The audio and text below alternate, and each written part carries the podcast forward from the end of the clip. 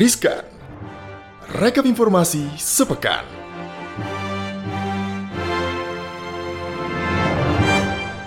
Hai, selamat pagi, selamat siang, selamat sore, selamat malam Sobat Cuan. Apa kabar semuanya? Semoga baik-baik saja. Amin. Halo semuanya. Ya, gue Iva, Syarifah Rahma. Iya, kita ini nemenin Sobat Cuan di Riskan, di Rekap Informasi Sepekan. Sepekan.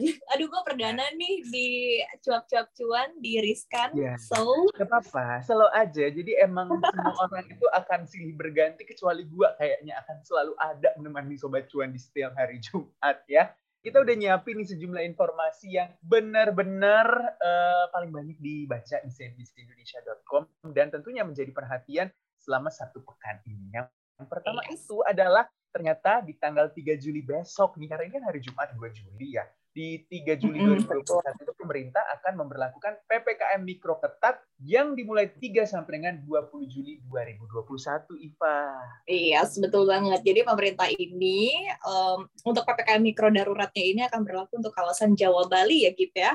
Nah, terus Nah. kalau kita lihat di sini mungkin pada dak dikduk juga nih untuk para pelaku usaha ya. Karena aduh lagi-lagi PPKM darurat tapi ya tetap ya harus eh, optimis agar pandemi ini juga cepat selesai. Benar banget. Jadi cakupan area PPKM darurat meliputi 45 kabupaten atau kota dengan nilai assessment 4 dan 76 kabupaten kota dengan nilai assessment 3 di Pulau Jawa dan Bali. Jadi usulan terbaru yakni 100% work from home. Tapi bukan untuk kita ya, tapi untuk yang Ya bisa kita. Iya, jadi 100% work from home itu untuk sektor yang non esensial. Jadi ada beberapa cakupan untuk pengetatan aktivitas. 100% work from home untuk sektor non esensial. Lalu yang kedua itu adalah seluruh, seluruh kegiatan kegiatan. belajar mengajar dilakukan secara daring. Nah, yang ketiga apa tuh, Pak? Ya, yang ketiga untuk sektor esensial ini berlakukan 50% maksimum staff work from office atau WFO dengan protokol kesehatan dan untuk sektor kritikal ini diperbolehkan 100% maksimum staff WFO dengan protokol kesehatan. Nah, kalau kita kayaknya masuknya ke sektor esensial ya, Gip ya. Karena Benar, sektor esensial itu yang dimaksud ada keuangan, ada perbankan, pasar modal, sistem pembayaran, teknologi informasi dan komunikasi, perhotelan, non penanganan karantina sama industri orientasi ekspor. Sementara itu untuk cakupan sektor kritikal adalah energi, kesehatan, keamanan, logistik, dan juga transportasi. Lalu ada industri makanan, minuman, dan juga penunjangnya. Ada petrokimia, semen, objek vital nasional, lalu penanganan bencana, proyek strategis nasional, konstruksi, utilitas dasar, listrik dan juga air, serta industri pemenuhan kebutuhan pokok untuk masyarakat sehari-hari. Yes, nah sementara itu juga untuk supermarket, pasar tradisional, toko kelontong, terus pasar swalayan juga yang menjual kebutuhan sehari-hari. Ini jam operasionalnya dibatasi rumahnya cuma sampai jam 8 malam dengan kapasitas pengunjungnya 50%. Benar banget. Untuk tempat ibadah seperti musola, masjid, gereja, pura, vihara, dan juga kelenteng, tempat ibadah umum lainnya juga yang difungsikan sebagai tempat ibadah itu ditutup sementara. Iya, nah terus kita lihat juga ada fasilitas umum kayak area publik, taman umum, tempat wisata umum, terus area publik lainnya juga ditutup ya sementara waktu. Benar banget. Jadi pemerintah itu menutup area kegiatan seni budaya, olahraga, dan juga sosial ke masyarakat. Di antaranya itu lokasi seni budaya, sarana olahraga, dan juga kegiatan sosial yang dapat menimbulkan keramaian dan juga kerumunan. Dan yang terakhir itu ada aturan bagi pernikahan atau resepsi itu boleh digelar dengan jumlah tamu yang dibatasi menjadi lebih sedikit. Itu maksimal tamu yang hadir itu sebanyak 30 orang dan tidak diperkenankan untuk eh, makan di tempat resepsinya atau tidak boleh dine in. Jadi hanya boleh Nah. take away makanannya. Asli, Pak, ini gue pengen iya, memberikan dia semangat ya ngasih untuk para bridezilla mungkin yang udah pada stres gitu kan, udah siap-siapin dari jauh-jauh hari, tapi ternyata aturannya juga diubah gitu ya. Tetap semangat, semoga bisa tetap berjalan lancar. Terus kemudian yang terakhir Amin. ada juga perjalanan transportasi. Iya. Ini ada beberapa ketentuan yang wajib diperhatikan. Jadi untuk pelaku perjalanan yang menggunakan moda transportasi jarak jauh ini kayak pesawat, kemudian naik bus gitu ya, ataupun juga kereta api, ini harus menunjukkan kartu vaksin, minimal vaksin dosis yang pertama dan juga PCR H-2 hari ya, dua hari sebelumnya untuk pesawat serta antigen satu hari sebelumnya untuk moda transportasi jarak jauh lainnya. Hmm, jadi gimana nih kondisi sobat cuan? Ada yang harus benar-benar di rumah saja atau mungkin ada yang sedang isolasi mandiri karena lagi positif COVID-19. Tentunya itu harus benar-benar uh, concern untuk cepat-cepat negatif lah ya dari COVID-19 kalau misalnya lagi positif. Terus juga semoga speed recovery. Tapi kalau misalnya Sobat Cuan lagi isolasi mandiri atau lagi terpapar virus COVID-19 nih ya Syarifah, ada beberapa hal yang tidak boleh dilakukan nih Syarifah saat isolasi mandiri. Benar nggak? Iya, betul banget ya. Nah, jadi uh, beberapa hal yang perlu diperhatikan banget ya untuk teman-teman semua yang mungkin tiba-tiba ada gejala, terus ternyata udah di uh, tes, ternyata positif gitu kan, dan harus isolasi mandiri. Nah, ini memang uh, sebetulnya kalau kita lihat, jadi yang pertama adalah uh, untuk prosedur isolasi mandiri ini uh, terkait dengan harus memperhatikan dulu nih kondisi kita tuh seperti apa gitu kan. Jadi kalau misalnya ternyata ada kondisi pasien yang berusia di atas 60 tahun, kemudian juga ternyata punya komorbid uh, ataupun juga punya penyakit seperti gagal ginjal, diabetes, paru-paru, kanker, autoimun juga termasuk ini tapi rupanya harus berkonsultasi dulu ya ke dokter sebelum melakukan isolasi mandiri. Jadi jangan langsung isolasi mandiri, coba uh, kontak dulu dokter bisa via um, aplikasi begitu ataupun juga bisa kontak via telepon gitu ya. Jadi untuk cari tahu dulu nih boleh atau enggak isolasi di rumah. Benar banget. Terus perlu juga menerapkan protokol kesehatan dengan selalu memakai masker bagi penderita maupun keluarga yang serumah. Juga harus mencuci tangan dan juga menjaga jarak antara anggota rumah gitu. Terus juga yang lagi hmm, positif yeah. COVID-19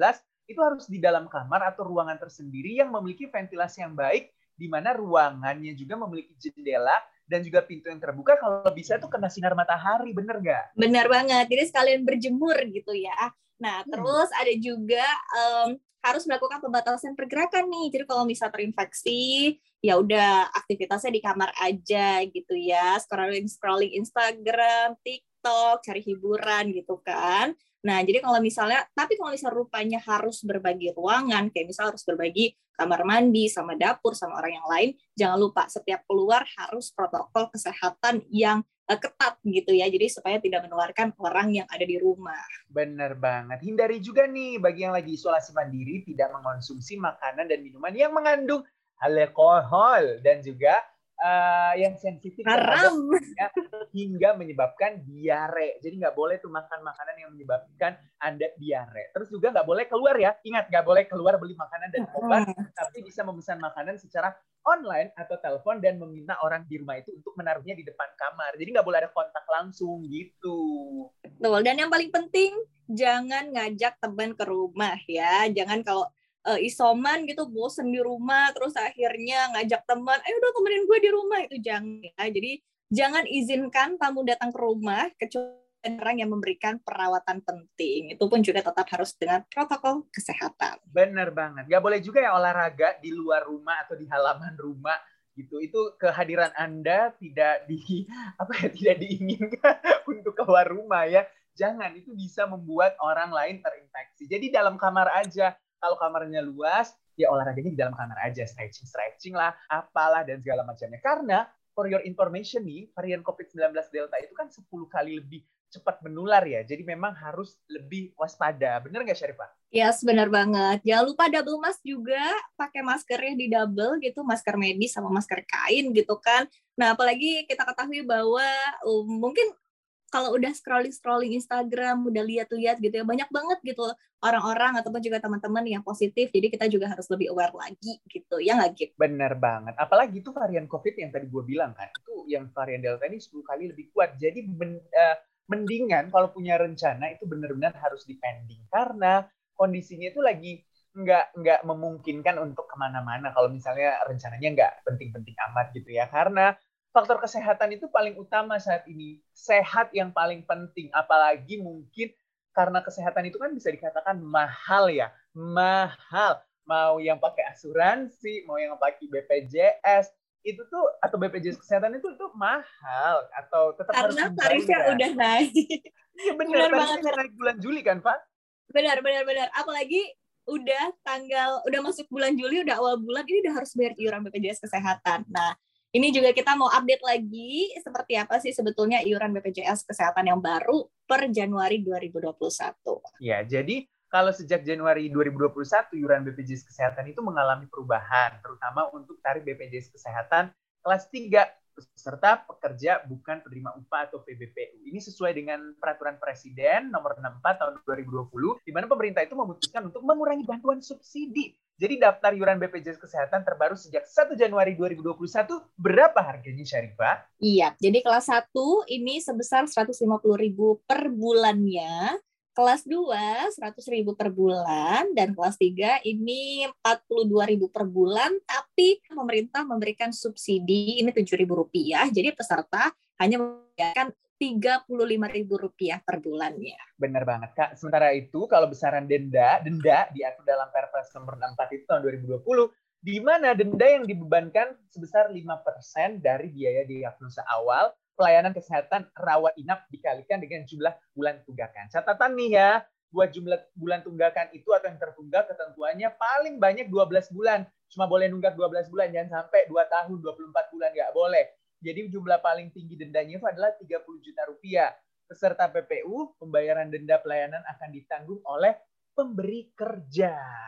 Gitu. Waduh, mahal juga ya. Ini dendanya 30 juta rupiah. Kalau dipakai trading lumayan nggak sih, Gip? Untuk berapa persen dikit-dikit juga udah lumayan. Oke, okay, ya. jadi untuk sobat cuan semuanya jangan lupa dibayar. Kalau kenapa-napa nanti kena denda 30 juta rupiah kan ini paling tinggi dendanya ya kan rugi ya. Jadi mendingan uh, on time aja bayarnya karena kalau misalnya nanti kenapa-napa juga gitu ya kalau kita butuh juga jadi lebih mudah untuk digunakan. Iya nggak? Bener banget itu. Tapi by the way anyway Bas, gue ini ngomong-ngomong soal bayar-bayar nih jangan lupa nih awal bulan waktunya untuk bayar-bayar kecuali kamu itu anak sultan yang bapaknya kaya tujuh turunan nggak habis-habis. Tapi kayaknya kalau jadi anaknya Warren Buffett tuh nggak gitu kali ya. Karena kalau kita lihat nih, itu CEO Birch, Birch, aduh gimana sih bacanya nih? Berkshire, Berkshire Hathaway. Itu Warren Buffett itu tidak akan memberikan kekayaan kepada anak-anaknya. Menurutnya kekayaannya ini lebih baik dihabiskan untuk tujuan filantropi daripada menambah portofolio investasi putra putrinya. Wow. Wow. Udah pada ngarep nggak sih sebenarnya putra putrinya ini? Tapi sebetulnya ya, uh, jadi uh, Warren Buffett itu yang saat ini usianya ternyata 90 tahun, bahwa uh, juga pernah mengatakan nih bahwa sebetulnya perilaku dinasti atau misalnya kayak mewariskan kekayaan dalam jumlah besar dari satu generasi ke generasi lainnya atau dari dia ke anaknya itu ya sebetulnya bukan hal umum di Amerika Serikat. Wah baru tahu juga gue ya ternyata. Jadi uh, Buffett ini juga yakin ya bahwa kebiasaan ini tuh mungkin akan terus ditinggalkan ke depannya gitu. Iya, karena sebenarnya uh, tidak ini tuh tidak berarti bagi anak-anak Buffett yang sekarang itu usianya 60 tahun, eh 60 tahun gitu kan untuk uh, belum menerima apa pun dari ayah mereka. Jadi laporan The Washington Post pada tahun 2014 mencatatkan setiap anak memiliki yayasan senilai atau setiap anaknya Warren Buffett itu punya yayasan senilai 2 miliar US dollar atau sekitar 28,9 triliun rupiah yang didanai oleh Warren Buffett. Waduh, banyak banget. Tapi kayaknya dari uh, jadi anak-anaknya juga udah diajarin investasi kali dari kecil ya. Jadi kayak nggak perlu juga kali uh, apa namanya harta turunan dari Buffett ya. Nah, tapi Uh, sebagai catatan juga nih, jadi Buffett ini mengumumkan bahwa ia telah menyumbangkan saham Berkshire Hathaway senilai 4,1 miliar dolar Amerika Serikat atau kalau dirupiahkan ini 59,2 triliun rupiah ke lima yayasan amal sebagai bagian dari upayanya untuk memberikan 99% kekayaan pada akhir hidupnya. Nah, jadi kalau misalnya kita total nih sekarang donasinya rupanya sudah mencapai 41 uh, miliar dolar Amerika Serikat atau 592 triliun rupiah itu uang semua bayangkan ya. Oke, berarti bisa dikatakan Buffett ini mengajarkan anak-anaknya untuk you must berusaha gitu, lu harus berusaha kan. Nggak cuma berpangku tangan di atas tangan bapak lu gitu, lu harus berusaha juga. Asli. Jadi for real, lu juga harus belajar investasi ya. Bener, bener lu harus belajar investasi. Jadi Warren Buffett itu kan merupakan satu di antara sepuluh orang besar, orang terkaya di dunia. Dan saat ini menurut uh, Forbes itu memiliki kayak kekayaan senilai lebih dari 100 miliar US dollar. So, geng. ada ininya, ada soundtrack TikTok ya.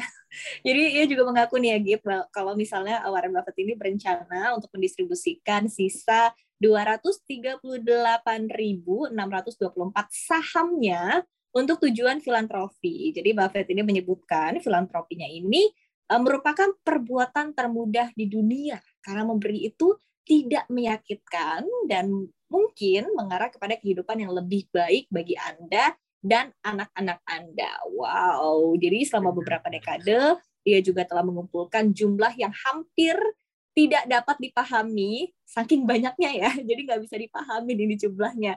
Hanya dengan melakukan apa yang saya sukai. Ini adalah pernyataan dari seorang Warren Buffett. Benar banget. Jadi Warren Buffett itu bilang gini saya tidak melakukan pengorbanan. Begitu pula keluarga saya. Uang saya berguna untuk masyarakat.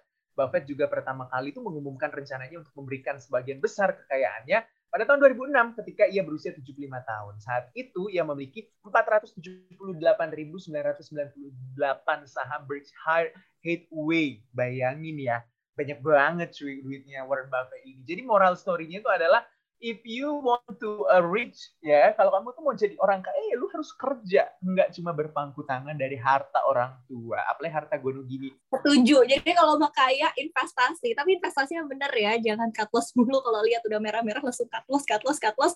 Ujung-ujungnya rugi juga gitu ya. Nah kalau mau belajar investasi tentunya jangan lupa follow akun Instagram @cuap_cuan atau nonton YouTube cuap-cuap cuan dan juga jangan lupa dengerin Spotify. Terus juga jangan lupa dengerin di Apple Podcast dan juga Google Podcast tentunya untuk cuap-cuap cuan. Karena kita banyak segmennya, banyak programnya, bisa menambah hasanah dan pengetahuan Anda soal investasi. Hasanah.